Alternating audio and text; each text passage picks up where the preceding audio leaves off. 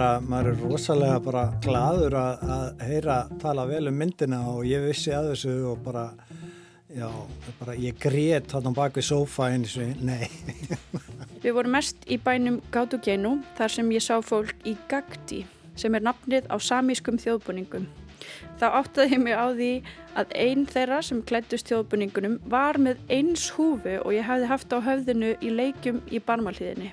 Napoleon myndarinnar er ekki jafnaðar gæðiður snillingur, heldur ástsjúkur og þrjóskur maður með mikilmennsku brjálæði. Ósegur hans og útlegð er algjörlega honum sjálfum að kenna og það er aðeins metnaðar gerind hans sem að lokum verður honum að falli.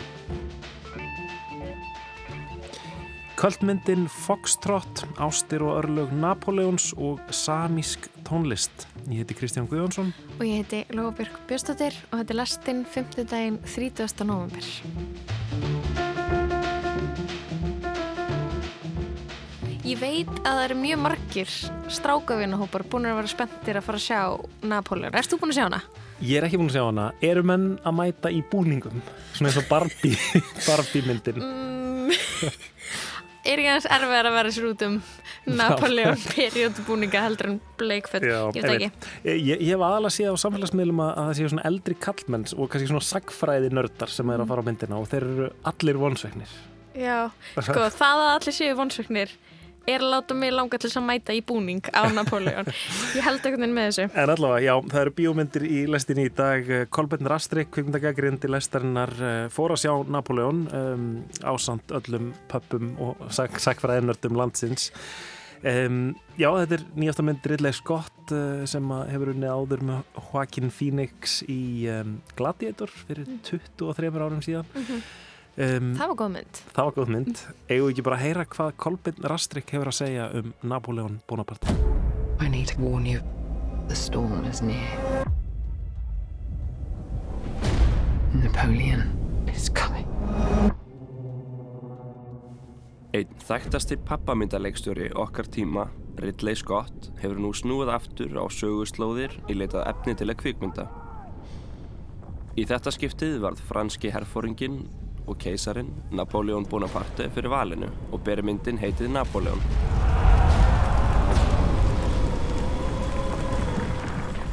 Með hlutverk lágvaksna konungsins og keisarans fyrir bandaríski leikurinn Joaquin Phoenix.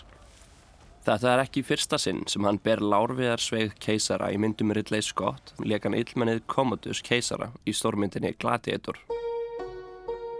Á móti Phoenix leikur Vanessa Kirby, eiginkonu Napoleons, Josephine Til eru ótal ástarbref sem Josephine og Napoleon sendu hvort öðru og er aðal áherslan í myndinni á flókið og stormasamtum samband þeirra.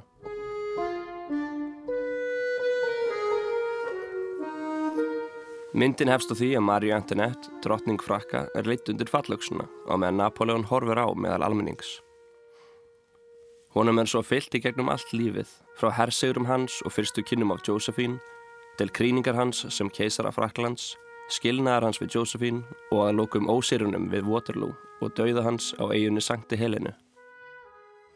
Í Napoleon eru gerð þau mistök sem gerð eru í nær öllum æfisögulegum myndum að tróða allt og miklu í stutta ramma kveikmyndaformsins. Myndin er tveir og hálfur tími og nær samt sem aður bara að segja frá örlittlu úr lífi Napoleons. I found the crown of France in the gutter. I picked it up with the tip of my sword and cleaned it and placed it atop my own head. The most glorious, the most august Napoleon, Emperor of the French, is crowned and enthroned.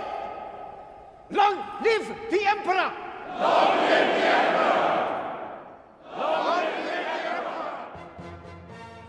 Það er einnig varalla tilveri maður til að velja sem viðfang æfisölur kvikmyndar. Einfallega sögum þess hvað það er frá ótrúlega mörgu að segja af honum og sögulegu samingjans. Það hefði ánefa verið miklu sniðura að taka stittra tímabil úr sögunni, jável þó það hefði bara verið nokkur ár, því myndin næri yfir næstum 30 ár í lífi Napoleons. Það sem Ridley Scott einblýnir þó á er ástarsamband Josephine og Napoleons og sigrar hans og ósigrar, bæðið pólitískir og á vývellunum, eru tengdir við ást hans á Josephine. Scott hefur sagt að fjóra tíma útgafa af myndinni sé á leiðinni á streymisveitu Apple og svo útgafa gefur ákveðum atriðum á nefa meira rými til að anda. Það er samt sem áður vissar ákvarðanir í persónusköpurinni sem er erfitt að trúa að muni batna í lengri útgafu. Myndin fjallar sérstaklega um það hvernig ástasambandið hefur áhrif á Napoleon þegar hann er að heiman í hernaðarleðangrum. Josephine verður í þeim hlutum myndarinnar að ákveðinni fantasíu Napoleons sem hann er gagntekin af og vekur bæði ást og reyði hans. Í fjárfuru hennar er aðeins hægt að tólka Josephine út frá honum og það er mjög áhugavert að skoða hvernig hann sér hana. Það sem verður þó erfiðara er að melda að hún er í raun ekkert dýbri persóna en það þegar hún kemur til sögu og áhöröndur fá að kynast henni. Napoleon fréttar að hún hafi haldið fram hjá honum á meðan hann var í einum leðangrunum og setna kemst hann að því að hún muni ekki geta gefið honum erfingja.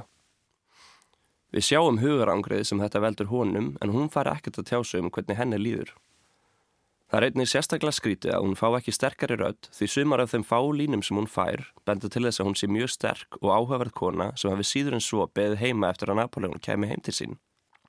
Heimildir segja að hún hafi verið yðin listaverkasafnari og varð franska herðin þekkt í Evrópu fyrir listir þöks í henni. Því er synd að sambandið sem á að vera miðpunktur myndarinnar einkennist af tilfinningum Napoleons til Josephine og meðan hún far aðalega að horfa leið út í loftið. Þó er verðt að taka fram að Vanessa Kirby leikur hlutverk Josephine príðilega og þó hún fá ekki að segja mikið tekst henni án orða að koma til skila hvað henni finnst um Napoleon, bæði því góða og slæma. Það er til aragrúi af efni um æfi Napoleons og stríðsregstur hans og var því miklu betra að einblýna bara á ástasambandið þar sem það er greinilega nálgunin sem Scott hefur áhuga á. Innan myndarinnar er sagan um feril Napoleons sem herfóringja og keisara háð sögunni af ástasambandiru og öfugt.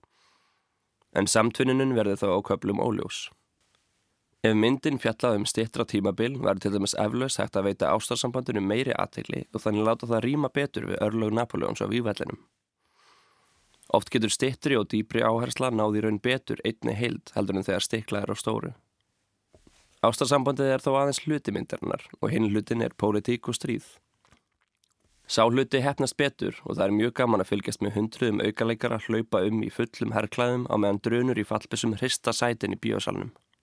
Einni er virkilega spennandi að fylgjast með herrkjansku Napoleons í þau fáu skipti sem henni bregðu fyrir þar sem hann spilar á anstæðinga sína með klókindum frekar en starra vopnabúri.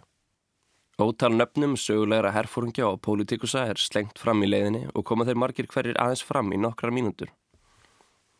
Þó er virkilega áhugavert að sjá þetta atbyrðaríkat sögulega tímabil í mynd og mun eflaust ótal margt vekja áhuga áhöranda sem eru eitthvað kunnir því. Það sem gerir myndina þó ólíka mörgum öðrum æfisögulegu myndum er viðhorfið til viðfangsins. Napoleon myndarinnar er ekki jafnaðar gæðjaður snillingur, heldur ástsjúkur og þrjóskur maður með mikilmennsku brjálæði. Ósegur hans og útlegð er algjörlega honum sjálfum að kenna og það er aðeins metnaðar gerind hans sem að lokum verður honum að falli. Phoenix leikur Napoleon einni sem mjög ósjarmerandi mann og tekst mjög vel að gera hann fráhrindandi. Þessi sögufrægi maður er þekktur fyrir personutöfra sína en í myndin er Phoenix oftast frekar eins og skrítin krakki í fílu. Í lókmyndarinnar koma fram tölulegar upplýsingar um hversu margir letu lífið í þeim orustum sem Napoleon leiti og reynir myndin þannig að sína hver raunveruleg fórnalamp hans voru. Innan myndarinnar leiti valdataka hans aðeins til dauða fólksinn sem fylgdi honum og stóði vegi fyrir honum. Þessi nálgun er mjög áhugaverð en aftur verður það hversu ófókuserið myndin er til þess að hún gengur ekki upp. Kvíkmyndin Napoleon er of upptekina því að fanga alla æfið hans í eina mynd og rétt eins og margar aðrar æfisögulegar myndir liggur því við að hún sé eins og myndskritt alfræðibók. Napoleon tekur ofstort upp í sig þegar hún reynir að fanga alla æfi mannsins. Hún fer ítla með sterkan hvern karakter sem hefði getið orðið markverð persóna og miðpunktur í dramatískari ástarsögu. Þrátt fyrir það verði ég að viðkjöna að ég skemmti mig bara vel í þessa tvo og hálfan tíma sem það tekur hinn áttræða Ridley Scott að segja sögun um Napoleon. Eins og hinn klassíski og þölurindi sögumæður, Afinn, segir hann frá merkjulum kalli úr mannkynnssögunni. Eins og vill oft verða með sögur sem Avar segja er kannski ekki allt alveg rétt, samingi vandar hér og áherslunar stundum gamaldags þar. Samt sem aður getur oft bara verið hugulegt að sitja og hlusta þó maður hefði heyrt þetta allt áður.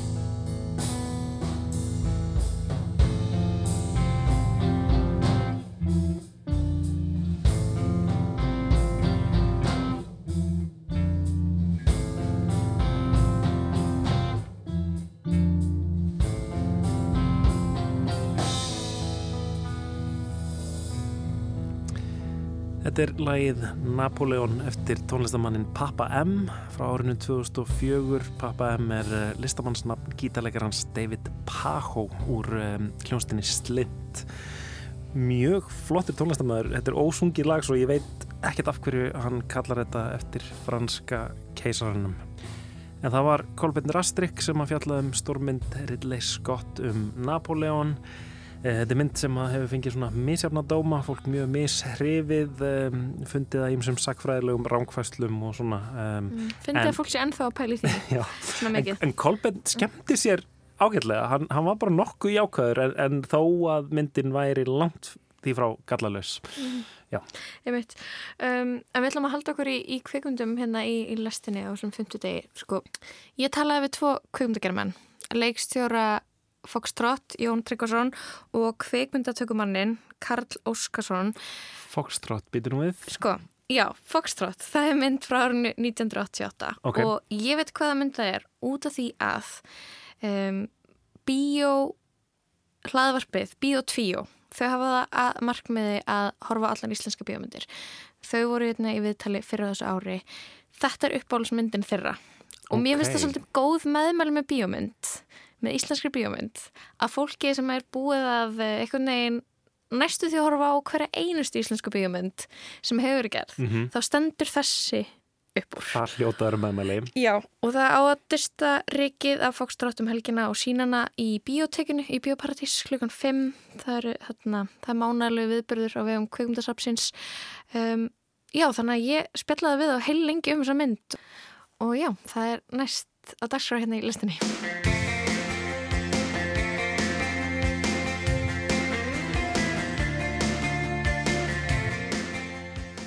Foxtrot er íslensk spennumynd frá árinu 1988 sem verður sínd í biotekinu á sunnudagin í Bíóparadís. En það er viðbyrður á vegum Kvikmyndasaps Íslands. Og hingað í lestina eru komnir leikstöru myndarinnar Jón Tryggvason og kvikmyndatökumæðurinn Karl Óskarsson. Verið velkomnir. Takk fyrir það. Um hvað fellar þessi mynd Foxtrot? Byrjum þar Það fjallar sem sagt um, um tvo bræður sem er að flytja peninga hérna austur á land og þetta er svona þeirra saga á leiðinni. Þetta er ekkert miklu peningar því þeirra að flytja kling. Mm -hmm. Býtu okkur eru þeirra að flytja peninga? Hva... Já það veist það þurfti í den þá þurfti að flytja krónur og fimmkalla og tíkalla þú veist í einhverjum bílum til uh, hornafjörðar. Mm -hmm. Þannig að, að hérna en hann tekur sig aðeins og hátilega þarna að karakterinn þegar hann er að flytja þetta. Þetta er náttúrulega bara voru smápenningar sko, mm -hmm. en ekki miklu penningar mm. þetta er svona e einn af þessum hlutum sem að myndin fjallarum hún náttúrulega fjallar um e, samband þeirra tveggja og svona svolítið einmannalegt á leiðinni. Og það eru svona veist, einn í óbyðum og síðan hérna takar upp hérna puttaling sem að Marja Ellingsen leikur og þá fara hlutinni svona aðeins að surna. Ég var að feta í fóspa bróðum míns. Ætli það sé ekki það sem ég alltaf verið að gera. Allavega manni var lettið mér öðruvísin sem litla bróðuna skipta þós. Það var þannig sem fólk þekkti mig. Hann var fókbaltastjarnan, nokks konar þjóðhetja. Þú ert bróður hans Kitta, er það ekki? Jú, ja, við erum hálfbræður. Þú ert nú helvítið efninlegu sparkari líka, er það ekki? Já, ég veit það nú ekki. Tommy, beri hver að baki. Heyrðu, var Dóri eitthvað ósátt við desertinn? Við erum noktið að reynda að gera það með um þetta raka. það er hérna Sveinbjörn E. Baldunsson sem að skrifa handritið. Hvernig, hvernig kemur það til árið 1988 að þið ákveðið að gera þessa spennumynd? Hver fær hugmyndina? Sko við vorum búin að vinna saman í all nokkur ár og á þessum tíma er svo mikið að gerast. Um, MTV til dæmis er stopna 81 og það er svona mikil gróska í tónlistamindböndum. Við vorum búin að gera all nokkur slík og vorið, Íslenska kvimundavorid, það byrjar 1980 þannig að þetta er svona cirka sjö árin inn í það. En málið var að við hittum Sveinbjörn Baldvin sem var að læra búa til andrit í Los Angeles held ég. Og hérna vildum fá hann til að skrifa, hann var í skólanu sko, vildum fá hann til að skrifa sögu sem við vorum í hausnum sem að hétt einvika í oktober og var svona framtíðar eitthvað. Og það var svolítið byggt á því sem að við höfum verið að gera aðeins í sko tónlistamindböndunum og, og hinn og öðru. Vorum bara ferskir okkur langað að fara í kvikmynd. Kallum hann á fund og hann hérna Við, hann hlustar á okkur og við lýsum einhverjum söguð þræðu og einhverju en alltaf að gefa hann um fullta frelsi og svo leiðis. Svo í lokfundarins að þá segir hann hérna ég er með hugmynd sem er langt til að segja ykkur frá mm. og hann segir okkur frá fokstrátt hugmyndinni bara þannig í sófanum. Bara þessu plotti? Já og hérna ég held að hann ekki einu heiti fokstrátt þá og hann sem sagt hann er alltaf mikill sögumæður þannig og við bara kolfjallum fyrir þessari hugmynd og svo höfum bara farið og skrifað hana mm. og, og við höfum áhuga og hann fór og skrifaði hana á ennsku með sínum kennurum hann úti og þannig verður handritið til fyrst, það verður til á ennsku okay. og svo er það þýtt yfir það að skildi vera til á ennsku það hérna það hafði þau áhrif að við vildum skoða það því að það var svolítið að gerast á þessum tíma sko íslenskan var svolítið að hefta myndir sem sagt eins og hún hefur kannski alltaf gert en er öðruvís í dag. Þess að þú veist það er flott að, að vera á primetime í BBC með danska kriminalserju og það, það er bara textar sko. Þetta hefur breyst svo mikið nema að sem sagt að þetta endaði með því að við tókum myndina upp á ennsku og íslensku Þannig að hún er til bæða önsku og íslensku. Já. Og byrju, hvernig voru það að gera það? Var, var, var það bara sama senan aftur nema bara enska? Já, all, við tókum all, allan dialógin aftur upp bara á, á ennsku og hérna og það var svo sem að á, á meðan að leikarinn var ennþá heitur að gera þetta á íslensku að það var svo auðvilt að svissa yfir og taka svona eina tökku á ennsku eða, eða tvær sko. Var þetta ennska með íslenskum hreim? Já, síðan var þetta náttúrulega allt saman döppað sko. Þannig að þetta var ekki endilega, við vorum ekki að eldast við endilega hérna, reyminn eða, mm. eða framburðin. Okay, þetta gæti verið mjög gróft og það er sko, það er hérna, þetta voru svona, það var mikið leitun á þessum tíma sko hvað þetta að gera hérna heima að því að það var komið, það voru, það voru komið þannig nokkur ár og íslenskan, alveg eins og kannski pólskan og tekneskan og allt þetta, öll þessi tungumál þau eiga undir högg að sækja, það er bara þannig veist, ég hef tekið tekniska mynd og held hún yrði eitthvað sko en hún rétt, hún var stór kannski í Teklandi aðeins í Pólandi af því að pólsk leikona en þetta, þá sá ég hvað, hvað, hvað tungumálið er mikil hérna, já bara mikil hindrun, já, mikil hindrun. Mm -hmm. en það sem að komin í þetta vegna þess að við höfum þennan möguleika voru það að normenn kiptu sér inn í myndina mm. með það í huga að gera bara hreinlega ensk, klára þessa mynd á, alveg á ennsku og, og syngan á mjög góðan hátt sem var gert. Og þeir tóku þegar voru búin að taka allt saman þá tóku þeir pakkan og kláruðu þessa ennsku versjónu undan sérstaklega íslensku versjónunni en þetta þýtti að það var allt svona aðeins þingra það var aðeins svona þú veist hvernig við tókum þetta svona, svona kannski færri tökur en við hituðum okkur alltaf upp á íslenskunni svo bara einn tak á ennsku kannski. Hvernig fór fyrir ennsku útgáðan af Foxtrot? Hvað endaði þetta? Sko, var ekki 1988, þá fyrir við á kann og sagt, til þess að gera langa sögust utta þá náttúrulega selst myndin þar og það var ennska versjónu sem var að selja myndina, ekki, ekki íslenska versjónu og ég svona hef hyrt að hún hafi farið til einhverja 50-60 landa bara á, á, á, á örskótt stundu og með þetta var allt saman heitt. Þannig að hún hefur fengið töluvert mikla útbreyslu Hún seldist mjög vel og ég held að það var, það var, það var fyrirtæki sko, dreifingafyrirtæki sem keft hana og hún var að dúka ég man það valdi vissa myndinni í sko Kathmandu, það var einhver sem að þekkt, þekkti, sko þá, þá var hún þar á því tungumáli sem var þar. En þetta þýtti það að myndin sko var í raun og veru ekkert voðalega íslensk þar sem þú kannski sást hana í hérna bandaríkjónum eða, eða, eða þú veist Skandinavíu eða eitthvað svo leiðis, hún var svolítið eins og bara ástrálsk mynd af því að hún var uh, sagt, hvað var þetta, var þetta ekki Mid-Atlantic hérna leikarar sem á voru fengnir til að syngana, ég held að það hefði verið svolítið þannig. jú. þannig að valdi er, er sko authentic amerískur sko, eða mm -hmm. þú veist svona hála leið með amerískur hreim svolítið, já, mm -hmm. og auðvitað var þetta náttúrulega ekki briljant en við áttum okkar versjón, hún var aðeins öðruvísi, ekki mikið öðruvísi en hún fór aldrei neitt en hinn fór út um allt. Það var litið sérstætt sko. Mm -hmm. Sko þetta kemur inn á hérna kannski næstu pælingu á mér, ég ætlaði bara að fá að spila fyrir ykkur stutt brot. Þið þurfu þá að setja headphone, munið eftir ykkur þannig sem þið sáu það sem þið voru bara, herru þetta er eitthvað hérna verið að fara alveg ótráðan að slóðir. Sko, við náttúrulega getum ekki farið við til að tala um uh, tímamótaverki Foxtrot frá 1988 sem að er svona, finnst mér eiginlega eina svona, uh, svona aksjón hasarmyndin sem að, sem að Get... Já, eina, eina fáum sem, sem reynir það og eina, eina sem virkilega texta, texta á, Íslandi, á Íslandi, Foxtrot. Uh, við nefnum hann alltaf og svo líka eins og hérna Biotjó podcastið, þau eru svolítið að vinna í að gera Foxtrot að svona kvöld dæmi með svona síningar og eitthvað þannig. Veist, þannig að það er líka þetta þú veist að svona einhvern veginn þú veist, og fyrir utan alltaf þú veist að biopartís eh, sínir á, þú veist, sömur bíómyndir aftur og aftur í eitthvað svona, þú veist, þá, og það er þú veist, það er eitthvað svona við, við erum alveg svona að vinna í því að, að vera með okkar svona kvöld myndir. Svona í þessu grúskikkar þegar það verið rekist á mynd sem svona fáir uh, vita af en ykkur fannst alveg stórkostleg, eitthvað svona algjör lauma. Já, önnur en Foxtrot spurning hvað maður nefnir þá sko. er, það kannski, um, er það kannski bara Foxtrot?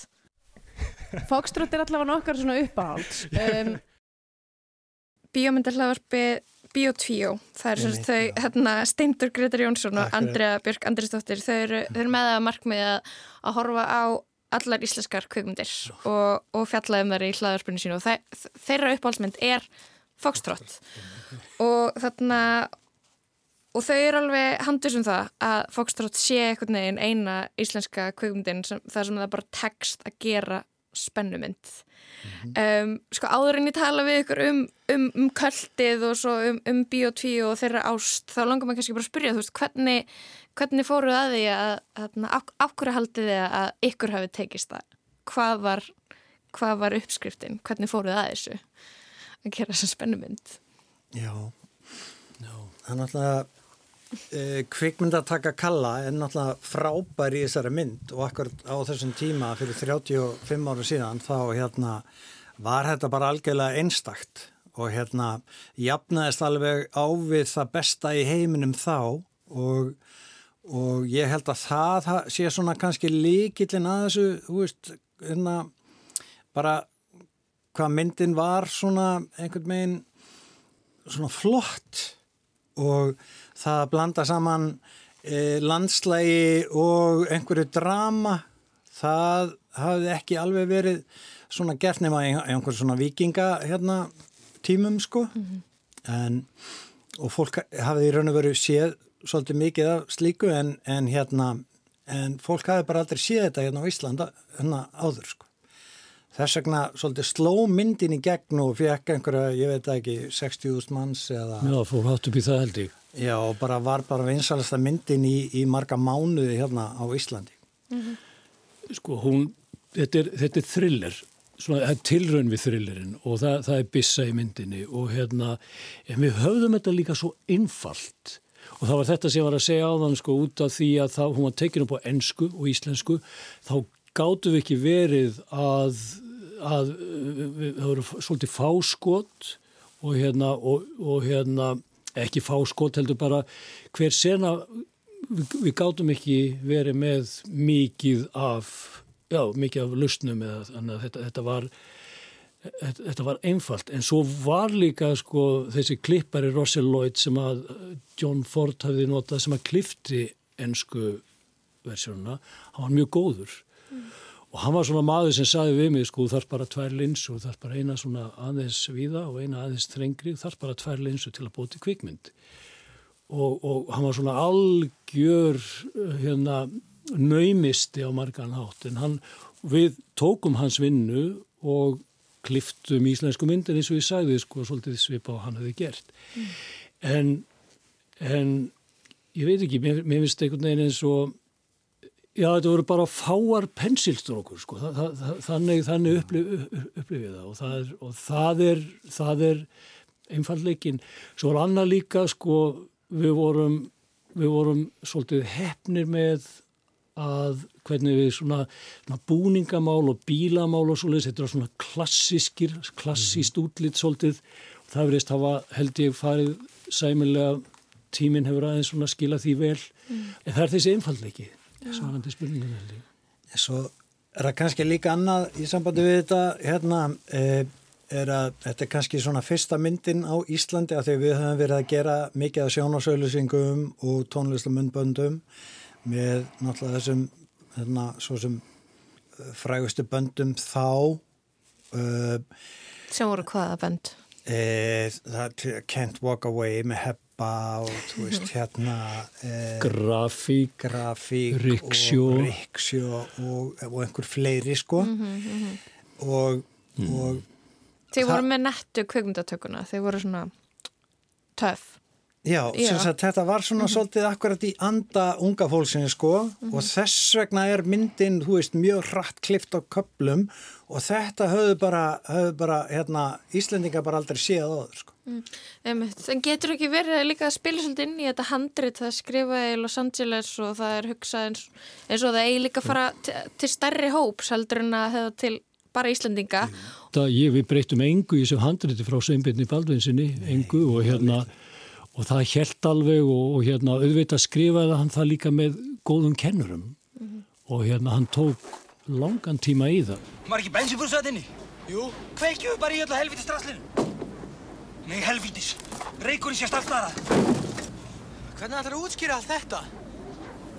Hafi, Við segjum bara ég hafa mist stjórn á vilnum. Má ég spyrja ykkur aðeins út í, eftir út í hérna Bíotvíó og þar sem að Foxtrot er hjá þessu, þessum kvikumda áhagamennum sem að hérna hafa hort á eiginlega allar íslenska bíómyndir, þá er Foxtrot í uppáldi og hérna og í öðru viðtali sem ég tók í sumar þá, þá var kveikmyndafræðingur sem að nefnd, við vorum að ræða íslenska kvöldmyndir og kveikmyndafræðingur sem nefndi að til dæmis væri þetta að tala um kvöldi sem að Bio2 er að reyna að búa til í kringum Foxtrot, það væri hægt að flokka Foxtrot með íslenskum kvöldmyndum.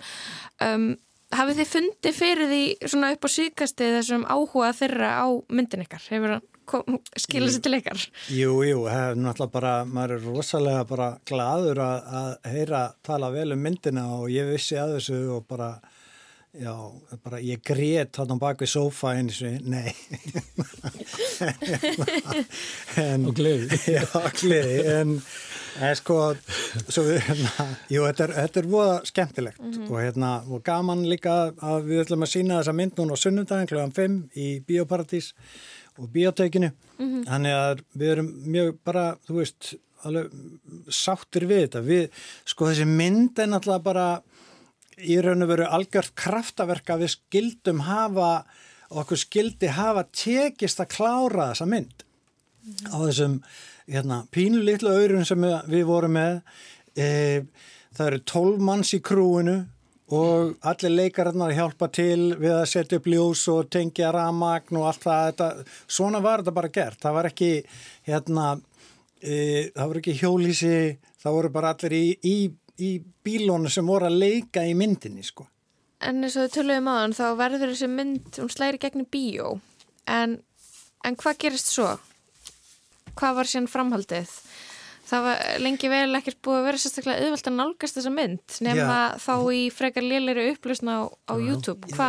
Sko akkurat, akkurat á þessum tíma þá er náttúrulega hérna, eru, eru videolegunar alveg rosalega vinsalar þannig að hún var náttúrulega hérna, sambíón settu þetta á videolegunar minnum mig Já við, og, við, við seldum hann nokkuð vel sko já þannig séð á videoleguna og það var einmitt eins og þú ert að segja það var, það var eftirvænting þó að væri, sko, það já, er einu og hálfu ári síðar hún er frumsynd en síðan er hún búin að liggja já. upp á hillu þannig til að við tökum hana og förum með hana sagt, 35 mm kópíuna endur skönnum inn á 2K eða sérst mjög góð gæði og, og, og reynsum hana upp og nú erum komin á þetta stafræna form og það er það sem við erum að sína í, í biotekinu og eh, en það, það er svolítið sko talandum að þessi mynd sé kvöldmynd og talandum að menn hafi nefnt hana, ég hef heyrt þetta aðeins.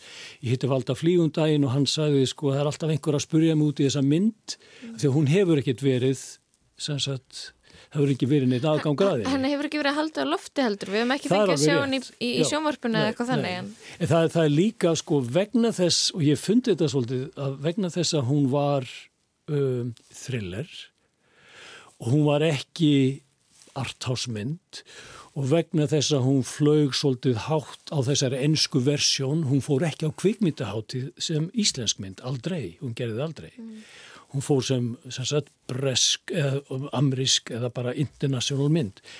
Að það, er, það er mjög, hún, hún, hefur verið, hún hefur farið mjög látt í, og það er kannski, þú veist, bara eins og að vera með vinsall lag sem er ekki mjög arti versus það að vera með eitthvað annað.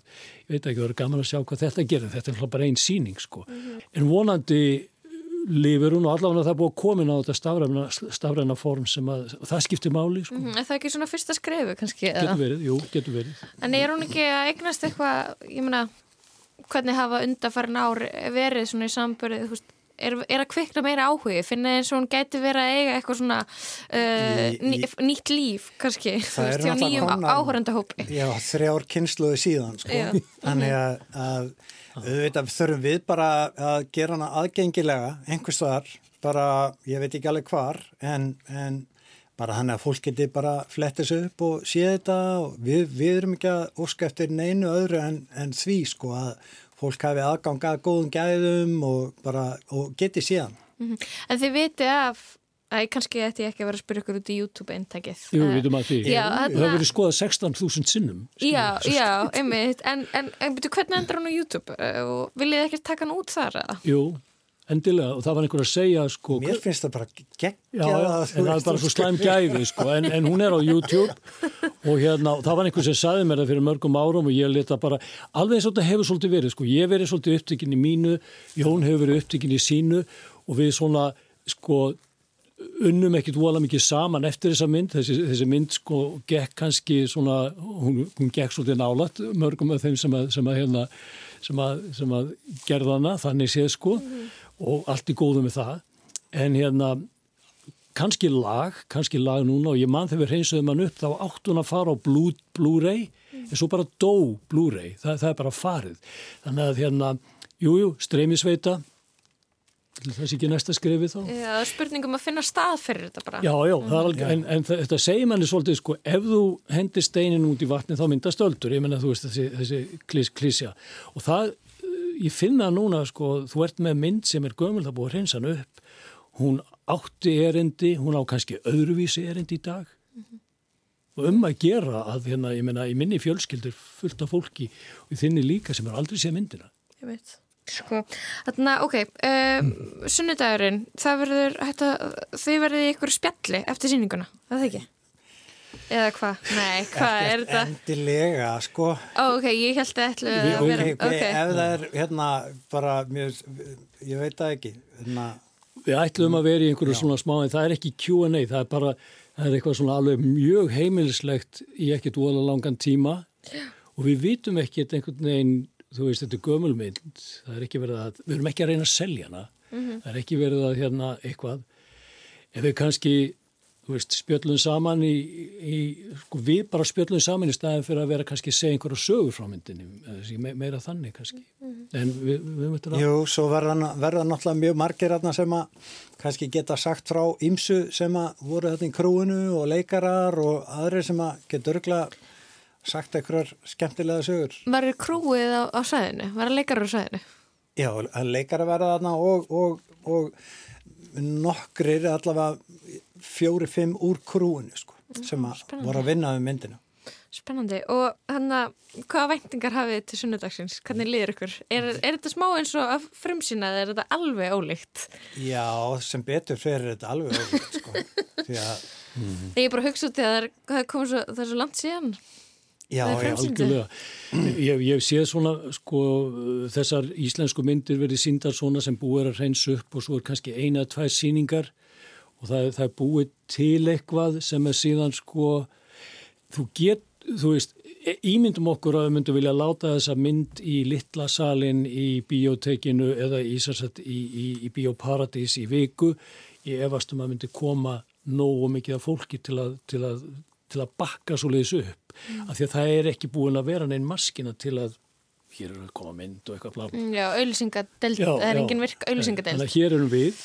en þetta er ekkert eins og frumsuna, en hvernig tilfinningar þetta þá? Þetta er bara svona þrítugs ammalis, hérna, hérna ammali batsinstins, skilur þau. Já, það er, það er mjög, mjög rétt, sko. Já. Þetta er gaman, sko, en, en þetta er líka einhvern veginn, þetta er svona stressand og mjög skrítinhátt og svo er verið að reyna að finna efni, ljósmyndir, orginal Foxtrot logoið og svona síðustu stund og þetta er allt niðugrafið einhver staðar. Þetta er til, djúft á því. En... Um, Já, já. Að sagan er ennáttúrulega rosalega líka svona ríki kringum þetta bara nokkurum árum eftir að við gerðum myndina þá voru e, þrjár manneskjur látnar í umferðarslýsum eftir sem sagt þegar þreymar án setna eftir frumsynningu sem hafi verið í krúinu sko. Þannig að veist, þetta er við slöpum þetta, þetta, sko, þetta, þetta er road movie þetta er svolítið road movie. Og það voru þrjú fjögur sko, þrjá fjóru uppákomur þar sem að næstu því einhver fór mjög illa en það slapp. Mm -hmm. um hann alltaf eftir tilfinningunum þegar við kláruðum að það var wow.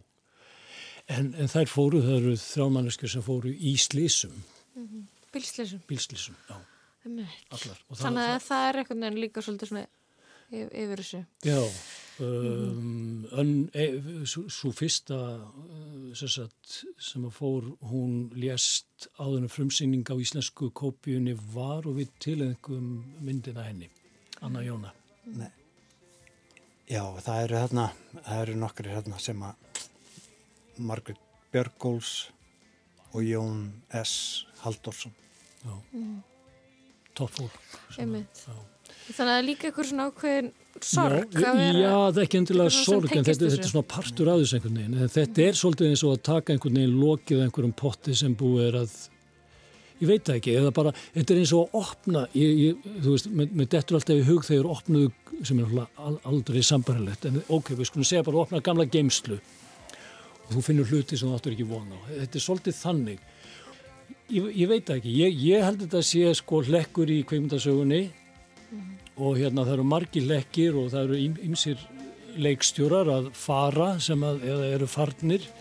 Og þá er þetta þessi stendur sko, þú veist, myndin algjörlega nakin án þess að einhvers er einn að selja hana eða gera neitt.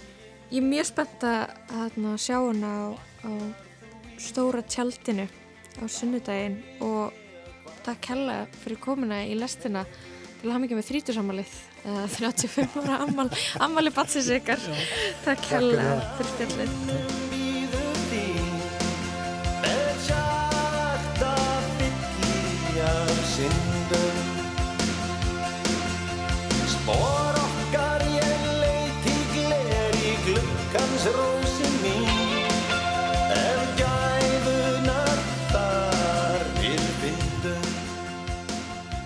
Lægið Foxtrot með Bubba Mortens spilaði þannig við þá Jón Tryggvason og Karl Óskarsson um Foxtrot og hún var í sínd í biotekinu á sundaginn og ég fretti að það væri kannski ekkert það mikið að miðum eftir.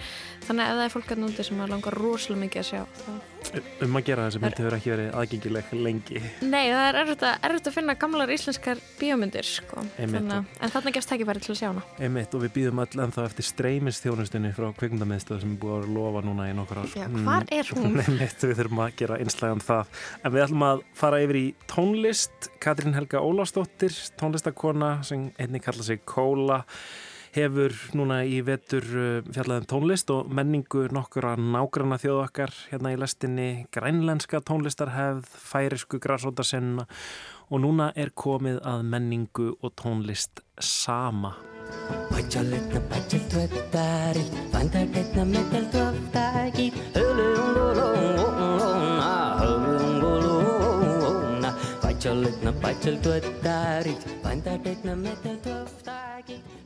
Ég velti fyrir mér hvort fólk á Íslandi kannist almennt við Sápmi. Kanski kannast fólk frekar við Lappland en það nafn er í rauninni dreyið af einni síslu í Finnlandi sem heitir Lapp.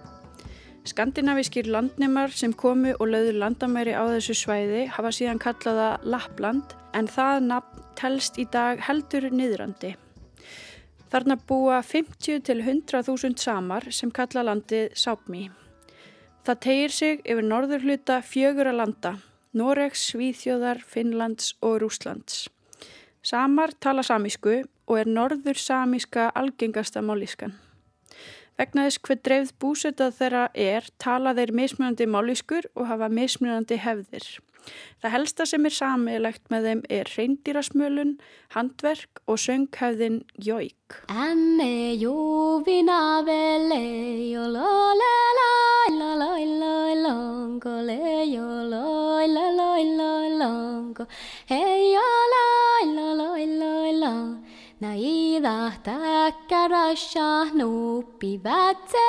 angeldir mýmeld góða Fyrstu kynni mín af samískri menningu voru algjörlega ómeðvituð og eru tengt einhvers konar æskuminningu. Ég er að leika mér heima hjá ömmu Ingibjörgu og afa Indriða í barmalíðinni. Bækurnar í hillunum hafa drukkið í sig pípureiki gegnum mörg ár þar sem afi hefur setið gamalt viðarskrippborð í stofunni og reykt pípuna sína. Í gamlum velúr bólströðum sófastól er rauð húfa.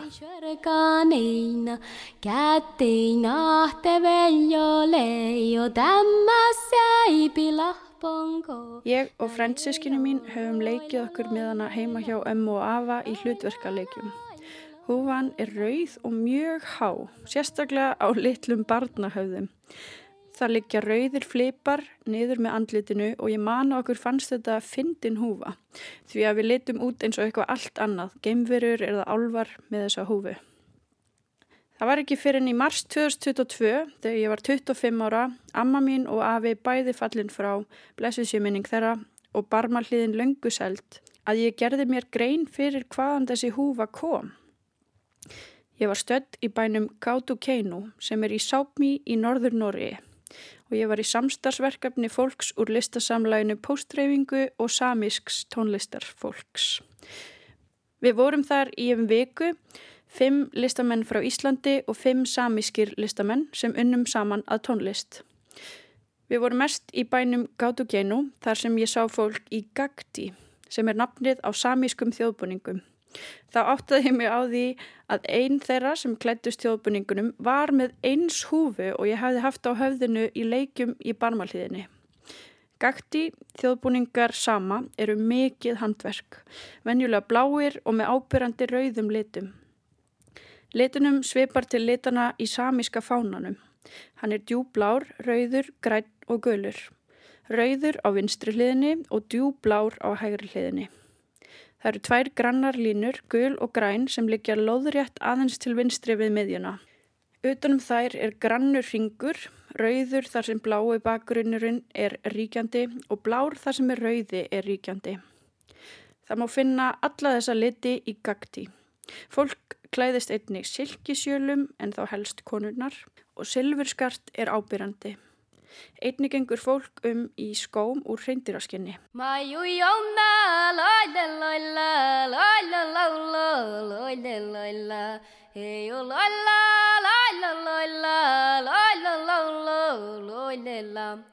No olmo maio kätte veljo muunin jo de quasio veljo Hei o laila laila laila laila laila laila Aldalung hefð fyrir reyndirahaldi er hluti af samískum hefðum. Því betur sem ég kynist þessum hefðum finnst mér eitt helsta einkenniður að vera harmónia við náttúruna. Tundrur einkenna landslægi þar sem reyndirinn halda til. Tundra er trjálaus slétta þar sem er oft lágt hitastig og frost. Á köldustu vetranóttunum getur frostið farið niður í mínus 40 gráður.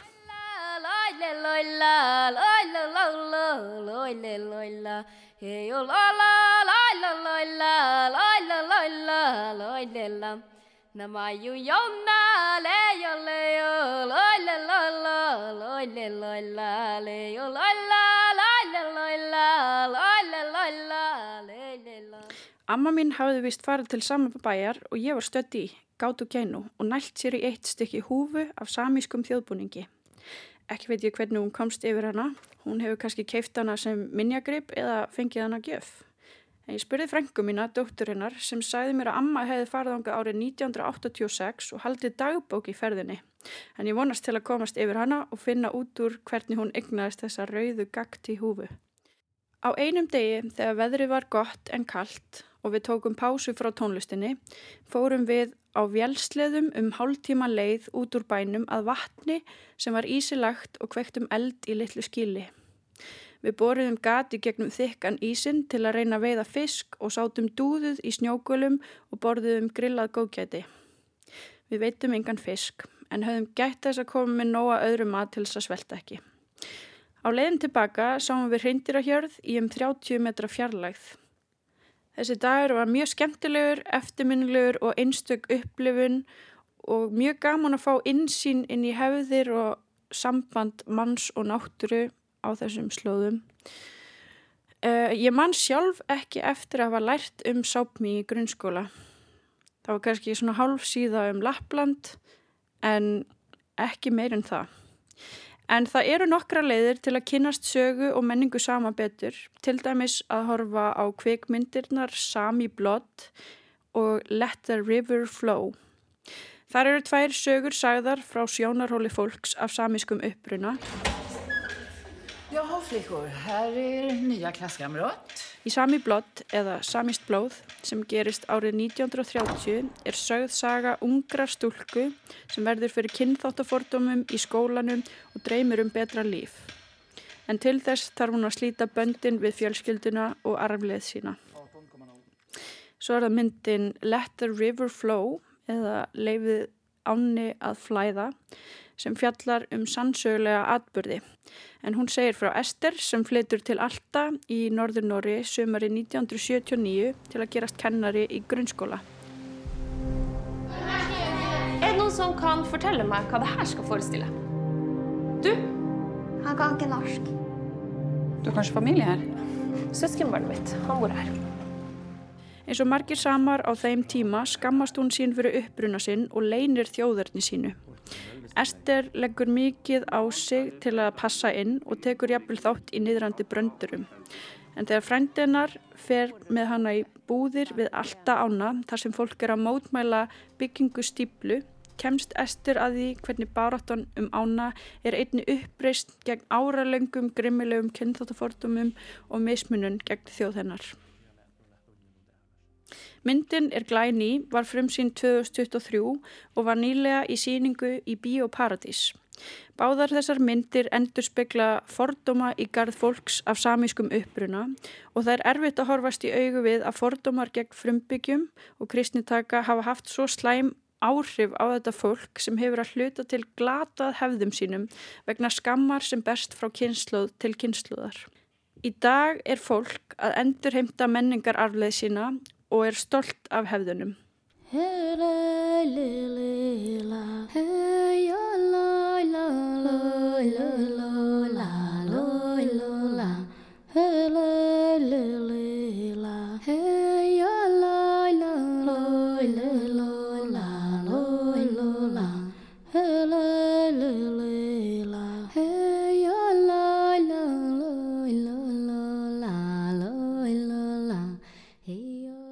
Svo er líka eftir að finna margt skemmtilegt og frít að horfa á á YouTube. Ég get mælt með heimilda þáttaröðinni SBS Dateline. Ég horfið þar á um hálftíma langa heimildamind þar sem Carla Grant, aktivisti og frumbyggi frá Ástralju, fer á tónlistarháttíð í Norður-Norri til að forvistnast um menningu og réttindi sama. Mér fannst myndin sína að frumbyggjar víða um heim hafa gengið gegnum sameigilega upplifanir, kúun og nýlendustefnu, réttindabaróttu og fleira. Þessi mynd sem ég horfið á og get mælt með heitir Norway, The Sami Fight for the Right of Their Land and Tradition. En ég talaði lítið sem ekkert um tónlist, en það er af nógu að taka og í næsta einslægi tala ég um Jóik sem er einn elsti söngstill í Evrópu og samísk hefð. En hér endum við á sjarmanum Emil Karlsson sem syngur og Jóikar lag sitt Móhtu með symfoníu hljómsveit Norska Ríkis útvarpsins Kringkasting Orkestret.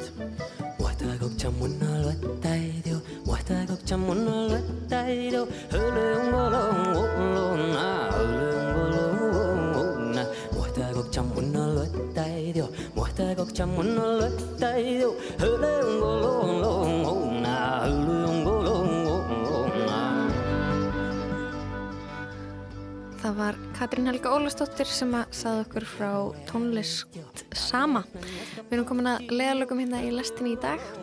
Já, tæknumæður í dag var Úlfhildur Eislinsdóttir við Kristján og Lóa verðum hérna aftur á sama tíma á mánudag. Þannig til þá, verið þið sæl. Og góða helgi.